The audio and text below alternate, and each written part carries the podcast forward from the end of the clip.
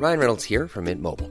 With the price of just about everything going up during inflation, we thought we'd bring our prices down.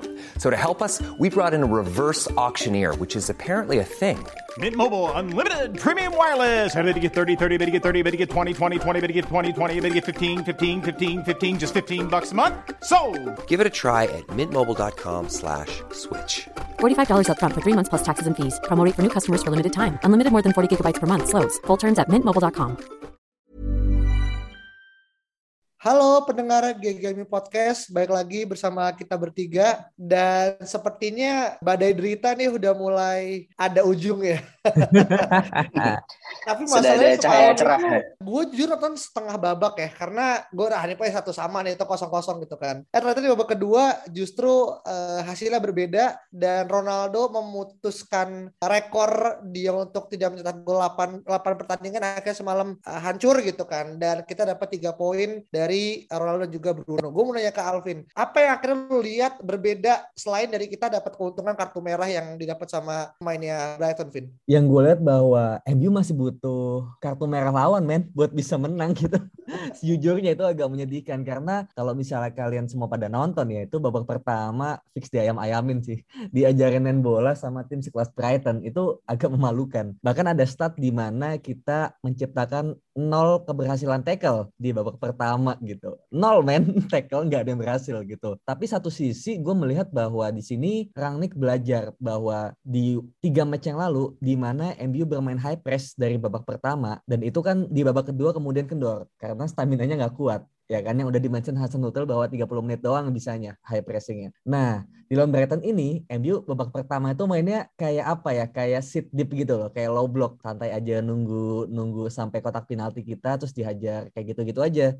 Nah di babak kedua barulah high press di situlah kena kan gol pertama dari pressingnya Scott dan juga Bruno. Itu sih menurut gua satu hal yang ternyata Rangnick bisa belajar dari hal-hal atau kesalahan-kesalahan yang udah terjadi. Cuma emang sih agak coward dikit gitu agak pengecut dikit gitu I see, I see. Oke, Iya, iya, eh, iya. kita putus set dulu ya terkait dengan golnya Bruno dan juga Ronaldo yang menurut gua bisa kita bahas secara eh, lebih detail. Tapi gue mau bahas satu pemain yang kemarin itu mencetak record clean sheet yang sama dengan pendahulunya gitu. Karena itu David De Gea mencatat 128 clean sheet yang menyamai rekor Peter Schmeichel gitu kan. Dan kemarin kita tahu save-nya dia di babak pertama tuh itu ngingetin gue dengan save dia pas kita lawan Sevilla di UEFA Champions League kalau nggak salah 4 tahun lalu kalau nggak salah ya. Yang depan gawang sundulan gitu. Karena kemarin kejadian lagi. Dan apa yang lu bisa lihat dari penampilan Apik De Gea selain dari mungkin kita juga mengalami per- pergantian back ya. Varane juga nggak main kemarin. Um. Gue tuh selalu heran sih sama uh, banyak-banyak orang yang di mana mereka bilang bahwa salah satu setback United itu karena mereka punya David De Gea di belakang. Jadi karena mungkin David De Gea bukan tipe kiper yang mainstream di masa sekarang ya, which is kayak super kiper itu yaitu semacam Alisson, Anderson gitu. Cuman sulit untuk tidak dipungkiri bahwa David De Gea itu beberapa kali tentu menyampaikan United di musim ini gitu. Walaupun ini hanya 6 clean sheet dari I don't know how many games ya di Premier League dan empat di antaranya itu datang di masa kepemimpinan Rangnick. Cuman memang ini suatu pencapaian yang luar biasa menurut gue uh, dari David De Gea dengan segala bentuk defense yang ada di depannya gitu ya. Mulai dari Smalling, Rojo, Jones, Bailey, sampai akhirnya ada Varane gitu, ada Maguire dan juga ada Lindelof gitu. Cuman gue yakin entah kenapa ya ini mungkin menurut gue aja gitu. Ketika Lindelof main bareng De Gea itu somehow gue lebih merasa safe sih Pak daripada Maguire sendiri atau Varane sendiri. Gitu sih. Mungkin karena mereka punya bromance yang cukup uh, erat ya. Jadi gue bisa ngeliat chemistry antar pemain ini gitu. Iya, em, kalau misalnya ngomongin David De Gea ya, gue mungkin agak apa ya kayak beberapa bulan terakhir gitu, terutama sejak kemunculan Dean Henderson ya, em, mindset gue agak sedikit berubah gitu bahwa gue sangat senang melihat Dean Henderson bermain dari sisi sweeper kipernya ya, mungkin yang tadi di mention sama Saung. Cuma emang dari segi shot stopping, emang gue akui De Gea salah satu yang terbaik gitu. Cuma ya balik lagi gitu. Keberhasilan David De Gea untuk banyak melakukan saves itu ya tidak dipungkiri emang karena backnya jelek gitu loh. Tapi kalau misalnya backnya nggak jelek gitu loh kasarnya gitu ya ya De Gea nggak bisa membantu dalam distribusi bola gitu ya. Itu itu satu hal apa ya kayak ya dua mata sisi lah ketika ada satu pemain yang bagus di satu hal tapi kurang di satu hal gitu. Sedangkan kita mau mencoba untuk permainan yang progresif gitu. Itu pada akhirnya ya suka nggak suka like it or not itu jadi menghambat gitu sih ya. Itu itu mungkin bisa dibahas di episode selanjutnya selanjutnya kali ya gitu. Apakah David De Gea ini adalah salah satu pemain yang harus di kasarnya ya harus disingkirkan kalau memang ingin Wah. ingin uh, menuju level yang selanjutnya. Itu, itu akan menjadi perdebatan iya, yang iya, iya. Ini bisa jadi perdebatan yang menarik ya Iya.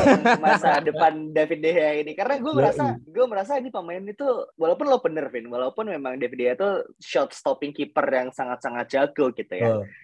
Cuman kan kita juga perlu uh, aware juga gitu bahwa rentang usia karir seorang kiper itu kan tidak berhenti di usia 30 tahun kan, ngerti nggak? Iya. Jadi Mm. it's not too late to learn something new gitu, ngerti nggak? Jadi kalau misalnya memang memang nanti uh, entah di Rangnick lagi, entah mungkin Ten Hag, entah mungkin Pochettino gitu, dan dia ingin apa bermain sebagai sweeper kiper gitu, he deserve the chance sih daripada kiper yang baru menurut gua. gitu. Betul, setuju, setuju. Nah, ini terakhir dari gue ya, sebelum mungkin kita move ke topik yang lain ya, karena jangan sampai kita topiknya jadi ngomongin David De Gea.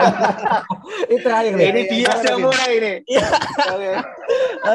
Gua gua nemu sebuah uh, potongan-potongan artikel yang mana nanti mungkin ingin gua cari lebih detailnya lagi ya. Ternyata dari zaman Louis van Gaal ternyata ada kabar bahwa David De Gea ini udah mau ditrain untuk jadi super keeper, tapi David De Gea-nya menolak kayak gitu. Dari zamannya Van Gaal, Mourinho, oleh bahkan gitu kan cuma yang paling kelihatan banget tuh di Van Gaal gitu bahkan sempat friksi sama salah satu pelatih kipernya gitu. Itu gue cuma nemu di salah satu potongan capturean aja ya cuma gue bakal cari supaya eh, lebih lebih kredibel aja gitu. Nah itu agak menyedihkan sih kalau ternyata memang De Gea ini sudah diproyeksikan untuk itu cuma dia nggak mau gitu loh karena dia dia bebel kasarnya gitu kayak udah nyaman dengan cara begini. Itu, itu, itu cuma sekedar ini aja sih selewat aja sih. Nanti bisa kita bahas di lain waktu. See. Berarti kalau misalkan dia ada konflik berarti sama Eric Steele ya karena kan dari cukup lama kan Eric Steele kemudian megang sebagai pelatih kiper. Tapi gue kita gue nggak tahu nih dia konfliknya sama siapa gitu kan. Tapi kalau ngomong saung kiper tuh matang tuh bahkan di usia 30-an ya kita tahu banyak banget kiper-kiper yang akhirnya masang di usia yang nggak lagi muda gitu Keller Navas lah Peter Cech dan segala macam dan kita juga jangan lupa Van der Sar tuh datang ke MU dari Fulham di usia 34 coy gitu kan.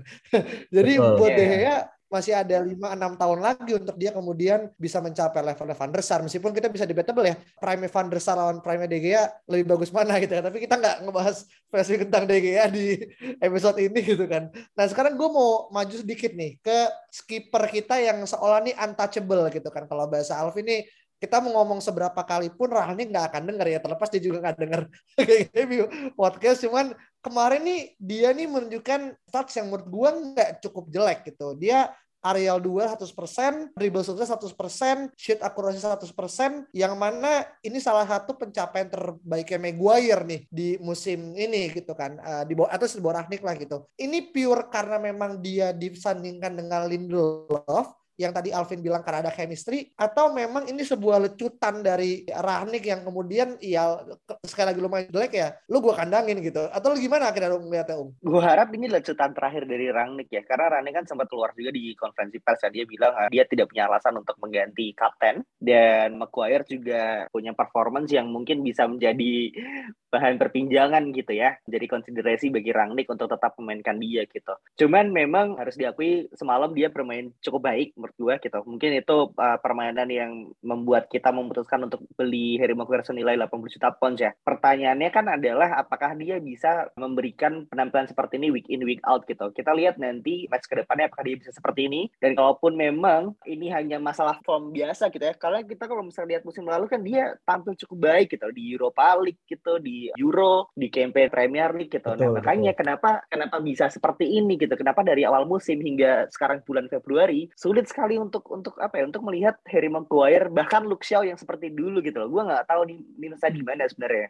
Apakah di confidence-nya, ataukah di mentalnya, apakah dia memang tidak siap untuk bermain dengan Champions League Varan, gue nggak tahu juga gitu kan.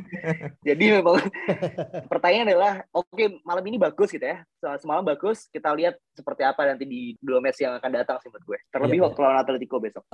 gue nambahin dikit ya. Kalau misalnya di zaman oleh yang musim ini ya di awal-awal kan Maguire juga beberapa kali agak sering blunder ya. Entah dia salah oper lah atau terlambat untuk untuk terima bola yang bikin kebobolan. Tapi kalau misalnya satu hal yang kemarin juga dijelaskan ya oleh Rangnick, bagaimana perubahan permainan di MU ini mempengaruhi Maguire. Contohnya kemarin Rangnick bilang bahwa sekarang ini MU bermain lebih high press ya kan, high line lebih maju ke depan dan itu menyulitkan Harry Maguire yang mungkin kurang pacey gitu kan. Jadinya once dia kelewat ya udah kelewat dia nggak akan bisa ngejar gitu. Ada cuplikan videonya kemarin dia ngejar pemain Southampton tuh kayak empot-empotan banget itu gue agak kasihan liatnya karena dia ngejar sesuatu yang nggak akan pernah bisa diraih gitu kasarnya gitu kan. Um, jadi menurut gue kayak semoga di usia dia yang juga masih 28 ya dia juga bisa belajar dengan line yang lebih tinggi lagi dan juga Rangnick juga sempat bilang bahwa di Inggris biasanya itu mainnya dengan tiga back kan. Dan MU juga kalau jadi tiga back kan dia nggak terlalu terekspos gitu di sebelah kiri. Dia bahkan bukan di tengah dia di kiri gitu. Dan Maguire ini sangat bagus jadi ketika on the ball gitu untuk masalah distribusi bola. Cuma emang off the ball ya kadang-kadang. Emang kalau misalnya dikasih terupas dia kelewat aja sih gitu sih. Iya masa mm-hmm. defender yeah. off the ball ya malah kacret kan agak aneh juga dia lebih cepat di DM kan. Iya makanya made your mind yeah, apa yeah, nih Harry Maguire I see, I see. Oke, okay mungkin kita coba. Oh, by the way, uh, Farhan tuh nggak main karena sakit ya, bukan karena performance dia yang kemudian banyak orang bilang tidak sesuai dengan ya, ekspektasi ya. karena emang ya il aja gitu. Mulus Jadi, dia katanya. Usah... Oh, mulus ya. mulus ya. Eh, serius, serius, serius. makan sambel kayak bro. Serius bro. ya. Gue baca tadi kutipan Rangnick dia bilang emang setelah makan malam balik ke hotel mau latihan tuh dia sakit perut. Jadi dia nggak bisa hmm, main. Iya, iya, iya. Iya, benar mulus. Ini agak receh ya tapi kejadian oh, iya. gitu karena main bola juga manusia gengs jadi hal-hal kayak gini terjadi dan itu it happens gitu. Nah sekarang gue mau maju sedikit ke LD tengah di mana kita ngelihat McFred akhirnya main lagi gitu kan. Tapi gue nggak mau bahas itu karena menurut gue kurang cukup seksi. Dan gue main bahas terkait dengan kombinasi Bruno dan Pogba yang pertandingan kemarin dia itu uh, Pogba itu udah ngasih 4 assist ke Bruno dan itu yang paling tinggi di Premier League musim ini bahkan mengalahkan Robertson ke Jota gitu kan. Kita ngomong yang paling tinggi selain itu gitu kan. Dan lu ngelihat kemarin akhirnya Pogba yang masuk di pertengahan babak kedua langsung memberikan asis ke Bruno ya lewat apa short kick pendek gitu kan. Apa yang kemudian lu bisa ambil dari hal ini, Vin? Masuknya Pogba ini menurut gue langkah yang sangat cerdas ya. Bahkan pelatih-pelatih kacangan pun menurut gue akan melakukan hal yang sama gitu. Karena dengan Brighton yang udah kena kartu merah dan kemudian bakal banyak kena counter dan bakal banyak ada space yang tercipta pemain-pemain seperti Pogba yang bisa memberikan terupas yang sangat berbahaya menurut gue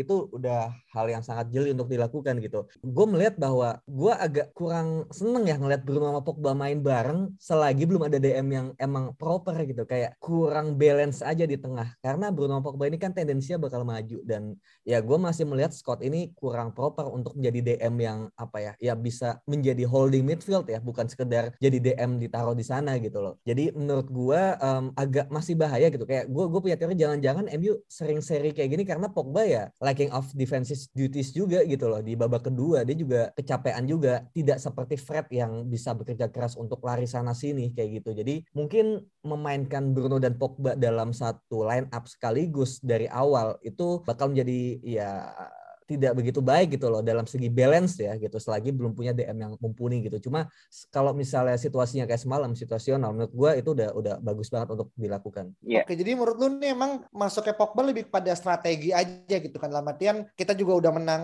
saya udah nggak ada udah 10 pemain gitu kan. Dan kemarin sebenarnya gue nggak tahu ya kemarin tuh emang kita lagi bapuk atau enggak bahkan Bruno pun di depan gawang pun lu lihat gitu kan nggak bisa eksekusi bola depan gawang. Tapi kita mencoba lepasan itu. Tadi Saung lu ada poin apa Om? Ya poinnya sebenarnya lebih ke pertanyaan kepada Pogba sih kayak lo kapan mau tanda kontrak aja gitu. Kalau misal lo per, permainan lo seperti ini gitu dan lo pindah itu aduh gimana ya. Jadi kayak ini orang kan memang selalu menjadi perbincangan ya. Ketika dia buruk ya oke okay, gitu mungkin dia bisa digantikan oleh siapa saja gitu. Cuman ketika dia at their game seperti semalam gitu ya dia masih masuk di menit 70 dan langsung merubah jalannya pertandingan. Menurut gua tidak ada pemain yang seperti itu gitu loh di sepak bola sekarang apalagi di Premier League itu sangat-sangat sulit mencari pemain yang standarnya tuh sama kayak Pogba gitu dan Pogba itu bisa main dengan siapa saja sebenarnya gitu ini balik lagi ke match awal kita waktu lawan Leeds awal di mana Pogba bikin tiga assist saat itu ya kan? Tiga atau empat assist ya? Gue lupa. Empat deh kayaknya. Empat ya? Empat assist ya? Kayaknya. dan Bruno juga berapa gol itu kan itu kombinasi yang anjing ini nih gitu. Ini menang liga nih kita nih gitu loh cuy. Jadi ketika ini nih delusi delusi pas MU awal musim nih Jadi ketika dia main lagi dan memberikan performance seperti itu gitu ya, ya kita sebagai fans tidak bisa gimana lagi gitu. Kita tidak bisa meminta hal yang yang lebih daripada tanda tangan kontrak gitu Pak. Menurut gue sih seperti itu ya. Iya, dengan dengan nanti datangnya uh, pelatih baru gitu yang hopefully mungkin lebih punya apa ya jam terbang yang mungkin lebih tinggi daripada Rangnick sekarang. Karena Rangnick kan sibuk di board gitu kan ya di uh, Leipzig dan Salzburg kemarin gitu. Jadi gue harap dia bisa jadi pemain yang memang seperti kita idam-idamkan gitu sih. I see. Meskipun tadi gue lihat di Twitter ya kalau Pogba masih still remains undecided terkait dengan masa depannya ini yang kemudian kan membuat kita fans MU kan gergetan ya. Kayak lu pergi atau enggak lama banget gitu nunggunya gitu kan sampai harus di akhir musim gitu. Tapi ya well itu kontrak pemain dan gue tadi membahas masalah Ronaldo yang tak gol tapi menurut gue ya apa yang mungkin gue tanya sedikit ya Calvin apa yang kemudian lu lihat dari gol Ronaldo yang akhirnya mengakhiri pacak league goal setelah 8 match sebelumnya Vin? Ya kemarin gue baca berita bahwa di kayak sebelum pertandingan ya dia latihan datang pertama dan juga pulang terakhir gitu. Jadi mungkin dia menambah sesi latihannya untuk finishing gue nggak tahu gitu. Dan cuma memang kemarin agak suai juga ya Ronaldo gitu. Ada beberapa peluang juga juga dua sundulan kayaknya ada satu yang melenceng dan yeah. juga satu yang ditepis ya sama Sanchez gitu yang menunjukkan bahwa ya kesialannya ini belum pergi juga dari Ronaldo gitu. Pada akhirnya ya akhirnya ada satu gol yang memang sangat keren ya karena berawal dari pressing yang sangat bagus dan juga dari sudut yang sangat sempit itu bisa dilakukan dan ya, nggak nggak banyak pemain bisa lakuin itu gitu. Salah satunya cuma Ronaldo dan terlihat aura kepuasan yang akhirnya sangat melegakan dari seorang Cristiano Ronaldo. Tiga pertandingan tidak bisa mencetak gol dan akhirnya dia nggak siu gitu tapi dia langsung knee slides yang kayak ya itu itu menurut gue lebih lega lagi sih daripada selebrasi yang biasanya. Dan golnya datang satu menit setelah Lionel Messi miss penalti ya. Nah, itu dia yang mau sampaikan.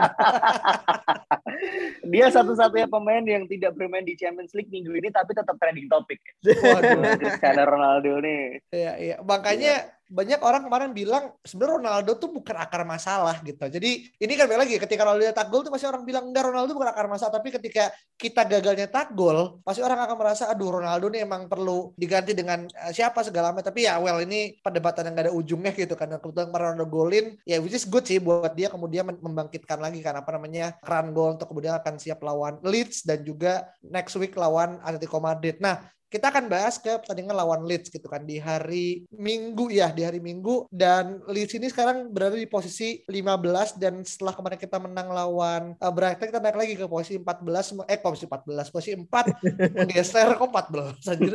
Ke menggeser West Ham. Nah, lawan Leeds sebenarnya kan ini kan secara komposisi tim nih yang kita cari kan, yang terbuka dan kita punya sejarah menang pernah menang cukup besar bahkan lawan Leeds. Apa yang kau dia lu bisa lihat dari dari pembelajaran lawan Leeds besok, Vin? Kalau misalkan nanti kita tidak struggling ya di babak pertama gitu, gue sempat, uh, gue baru aware juga yang tadi Alvin bilang bahwa di babak pertama lawan Brighton kita lebih ke sit gitu ya, low block, bermain dengan menunggu baru uh, serang counter attack, yang di mana ini kan sangat-sangat berbeda dengan pertandingan pertama kita ya di Premier waktu lawan Leeds, di mana oleh Solskjaer saat itu langsung menggempur, entah bodo amat gitu, yang penting main-main-main gitu, attack-attack-attack, dan akhirnya menang 5-1 pada saat itu kan. Dan sebenarnya di beberapa match terakhir kan ini patternnya yang akan dimainkan Rangnick kan ini udah ada nih, udah kelihatan gitu. Cuman memang ya itu tadi dari 70 uh, eh, shot cuma masuk dua, cuma masuk tiga gitu ya. Kalau misalkan nanti di pertandingan lawan Leeds ini yang kita tahu bentuk permainan mereka seperti apa gitu, bagaimana rapuhnya pertahanan mereka gitu dan kita tidak bisa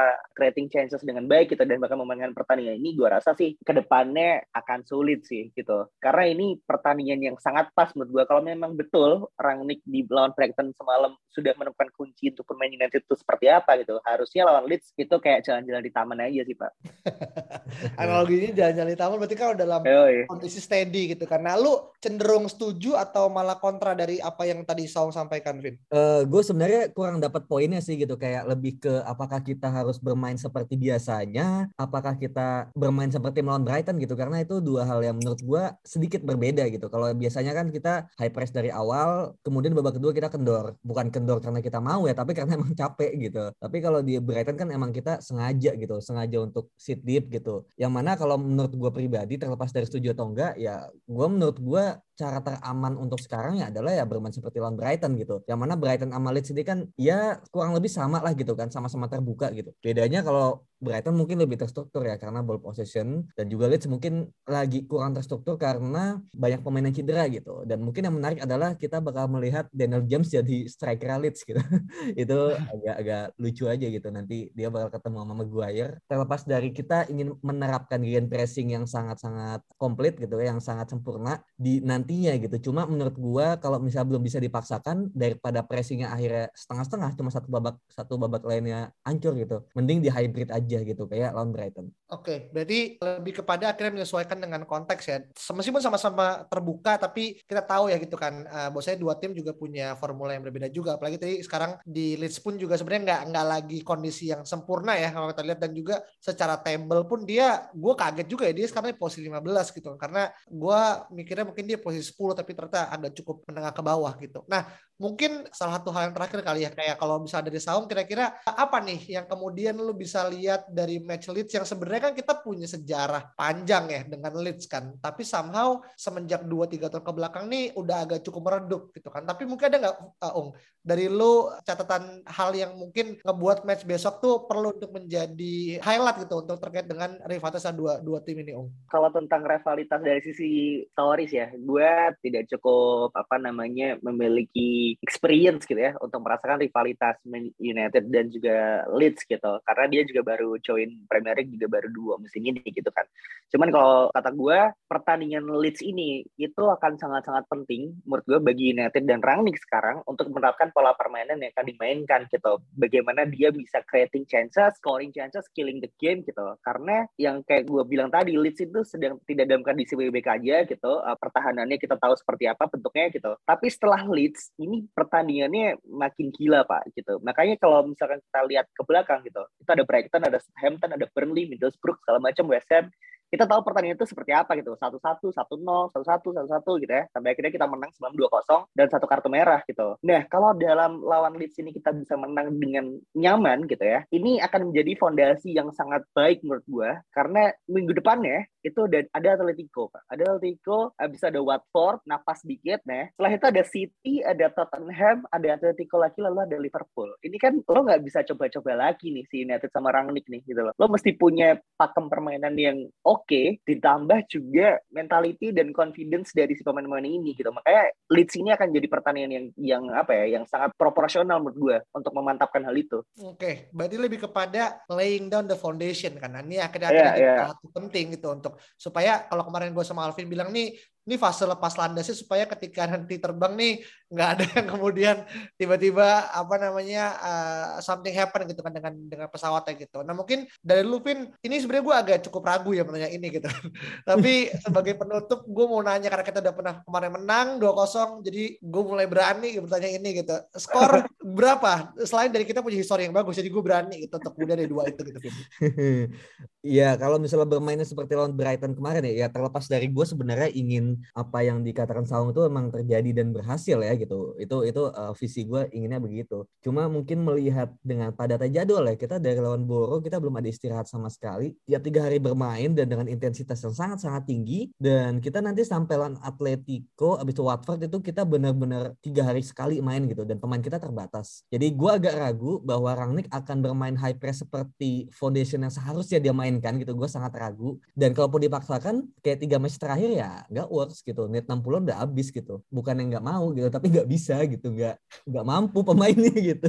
Jadi gimana gitu kalau otak lu pingin tapi badan lu nggak bisa gitu nggak bisa juga gitu. Jadi menurut gue ini bukan lagi masalah plan tapi lebih kepada masalah eksekusi gitu. Yang mana eksekusi juga penting gitu kan. Um, hmm. jadi menurut gue the best way untuk survive apalagi kita juga ngejar empat besar ya apa itu yang dikatakan oleh Rangnick gitu. Uh, the best way menurut gue ya bermain seperti uh, lawan Brighton gitu sedikit oportunis cuma ya lo harus tetap menang gitu. Jadi kayak hybrid setengah babak main jelek, setengah babak main bagus gitu. Dan menurut gue itu akan tetap dibawa kalau misal berhasil sampai match mungkin di big match juga gitu. Dan kalau itu terjadi menurut gue MU bisa um, menang ugly win seperti tadi sih gitu. Mungkin ada keberuntungan tapi menurut gue tidak akan se-struggle ketika satu-satu kayak gitu. Kalau misal bermainnya dari awal high press ya ya gue masih nggak yakin gitu karena problem utama kita di finishing itu juga belum belum terselesaikan gitu loh. Mm -hmm. I see, I see.